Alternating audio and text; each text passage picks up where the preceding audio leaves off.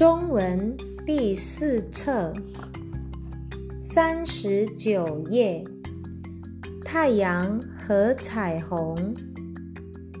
一场大雨过后，太阳出来了，天上出现了一道美丽的彩虹。有人说，彩虹比太阳美丽。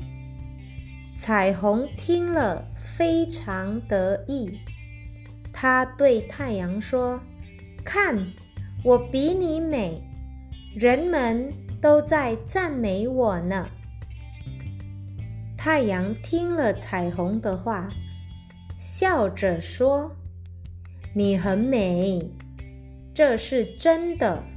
可是如果没有我，就不会有你呀。”彩虹听了很不高兴，他觉得太阳看不起他，就不跟太阳说话了。过了一会儿，太阳躲进了云里，这道美丽的彩虹也就不见了。